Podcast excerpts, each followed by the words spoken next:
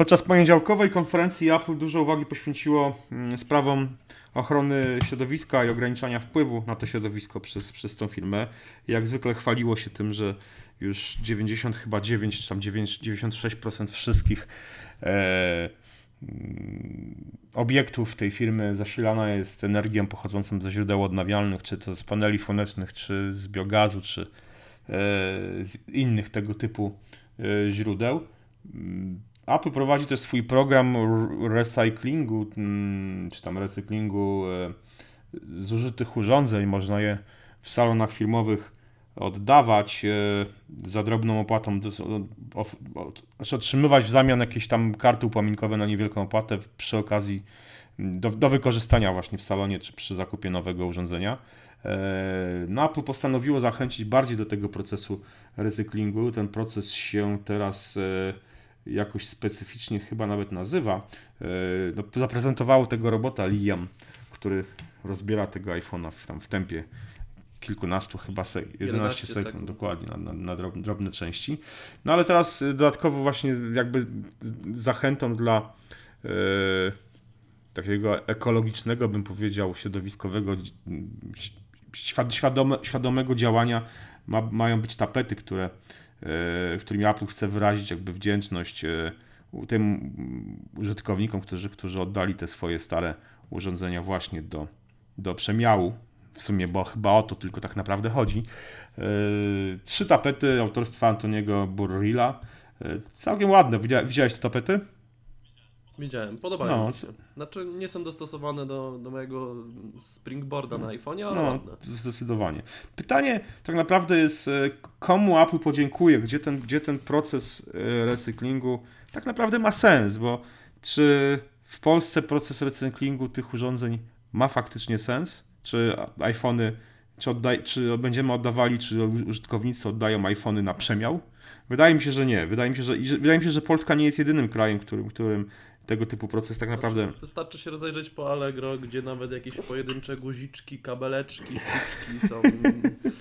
telefony są porozbierane i nawet jak już tam płyta główna padnie i wszystko jest porysowane, to jeszcze się sprzedaje jakieś najmniejsze po prostu elementy, które można wymienić.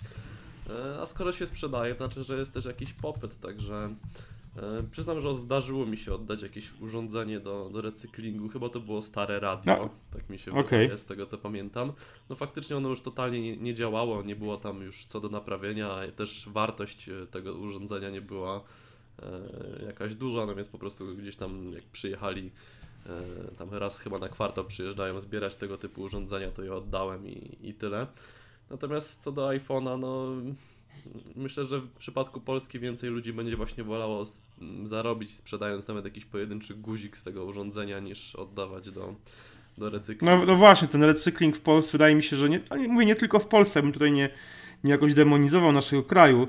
Wydaje mi się, że jest dość specyficzny i polega właśnie na tym, że te urządzenia są, e, są cały czas e, w użyciu, ewentualnie są właśnie rozbierane na drobne elementy i e, te części są sprzedawane albo wykorzystywane w, przy naprawie innych uszkodzonych iPhone'ów czy iPadów. I wydaje mi się, że tutaj e, proces taki oddawania na przykład do, do salonów, nie wiem, e, Apple Premium, Premium Reseller, czy tam, czy nawet powiedzmy do salonów Apple Store, jeżeli kiedykolwiek takie w Polsce powstaną, e, tych urządzeń jeszcze długo nie będzie miał tak, tak naprawdę większego sensu, bo te urządzenia są po prostu używane. Ja, no, no okej, okay, może pierwsze iPhony, prawda, iPhone iPhone pierwszej generacji, iPhone 3G, 3GS, y, no to są urządzenia, które może już, już wyszły z użycia i może, może te faktycznie można by oddać do recyklingu.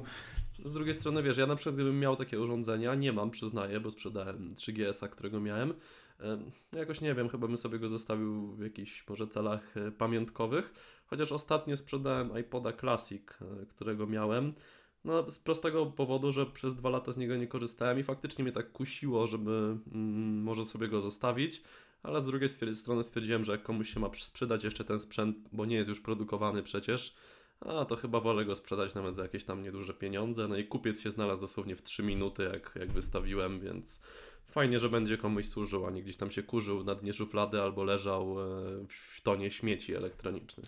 No ja też mam takiego iPoda Classic i w sumie zastanawiam się, czy go sprzedać. To jest iPod mojej żony, więc nawet chyba nie mógłbym za bardzo go sprzedać, ale też go nie używam, jakby też gdzieś tam leży. Ale mówię, z tymi iPhone'ami, no to faktycznie może może te pierwsze modele właśnie. No wiesz, my, my, jesteśmy powiedzmy, wiesz, no dość specyficznym typem użytkowników i dla nas faktycznie taki... No tak, mamy trochę umysły Dokładnie, więc taki, taki iPhone powiedzmy 3G, czy tam iPhone pierwszej generacji, no, którego pokazywałem chociażby na e, poniedziałkowej imprezie w e, łódzkiej sukcesji, e, no to ma jakąś tam warto, wartość powiedzmy pamiątkową dla mnie i sentymentalną bym powiedział.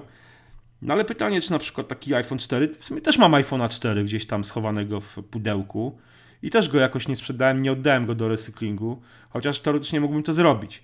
E, bo to jest też takie urządzenie, które już właściwie no, jest jakby no, odeszło już jakby w, do technologicznego nieba, jest prawda? No właśnie. Mhm. Więc e, no podobnie teoretycznie z iPadem pierwszej generacji, ale znowu iPad pierwszej generacji jest u mnie używany i to, to urządzenie e, mimo już swoich dość, dość dużych ograniczeń cały czas jednak dzielnie się sprawuje, chociaż aplikacje, które są na nim zainstalowane działają i wystarczają powiedzmy chociażby dla mojego młodszego syna.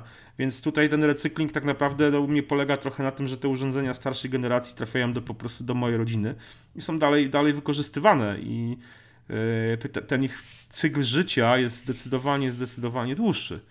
Wydaje mi się, że tak generalnie jest no, z, tymi, z tymi mm, urządzeniami elektronicznymi tego typu. No, co innego może pralka, lodówka, yy, yy, czy stare faktycznie radio, które już się gdzieś oddaje, albo Też telewizor. nie włożysz gdzieś tam do szuflady i nie zabiera miejsca, a starą pralkę to jednak... Dokładnie tak. Nie Dokładnie. każdy ma miejsce w domu, żeby to trzymać. No. Dokładnie, to prawda. Potem raczej nie słyszałem o ludziach, którzy mają jakąś wartość sentymentalną związaną z pralką, chyba że jest to pral, pralka Frania no, z PRL-u, tak, no właśnie, może, może jeszcze... tak. No ale faktycznie tutaj, tutaj trochę to inaczej wygląda. Słuchajcie, dobrze, pytanie do Was, czy Wy oddawalibyście swoje iPhony, iPady do recyklingu na przemiał nawet za drobną sumą? Te sumy nie są wielkie, to często jest tam, nie wiem, gdzieś kilkanaście, kilkadziesiąt dolarów albo kilka, kilkanaście, kilka funtów, w zależności od tego. Nie wiem, jak to jest w euro i czy te, takie programy działają na przykład w Niemczech, we Francji, czy w innych krajach, gdzie są salony Apple Store.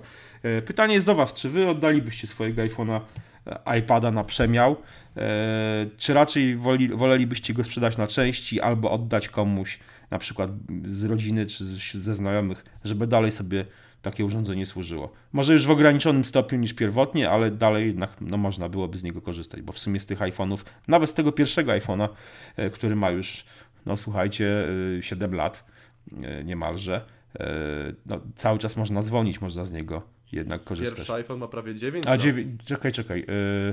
Yy, nie, no. 2007.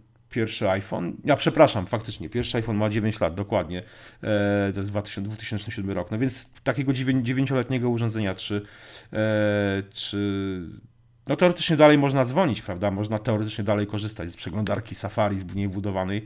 Nie wiem jak z klientem poczty, nie sprawdzałem. Ale no generalnie jakieś funkcje te urządzenia jeszcze spełniają. Czy jest sens je dalej wykorzystywać, oddawać komuś, czy może faktycznie lepiej schować je do szuflady, albo po prostu e, oddać na przemiał. E, dajcie znać w komentarzach. E, no i co, do usłyszenia do następnego razu. Trzymajcie się, cześć.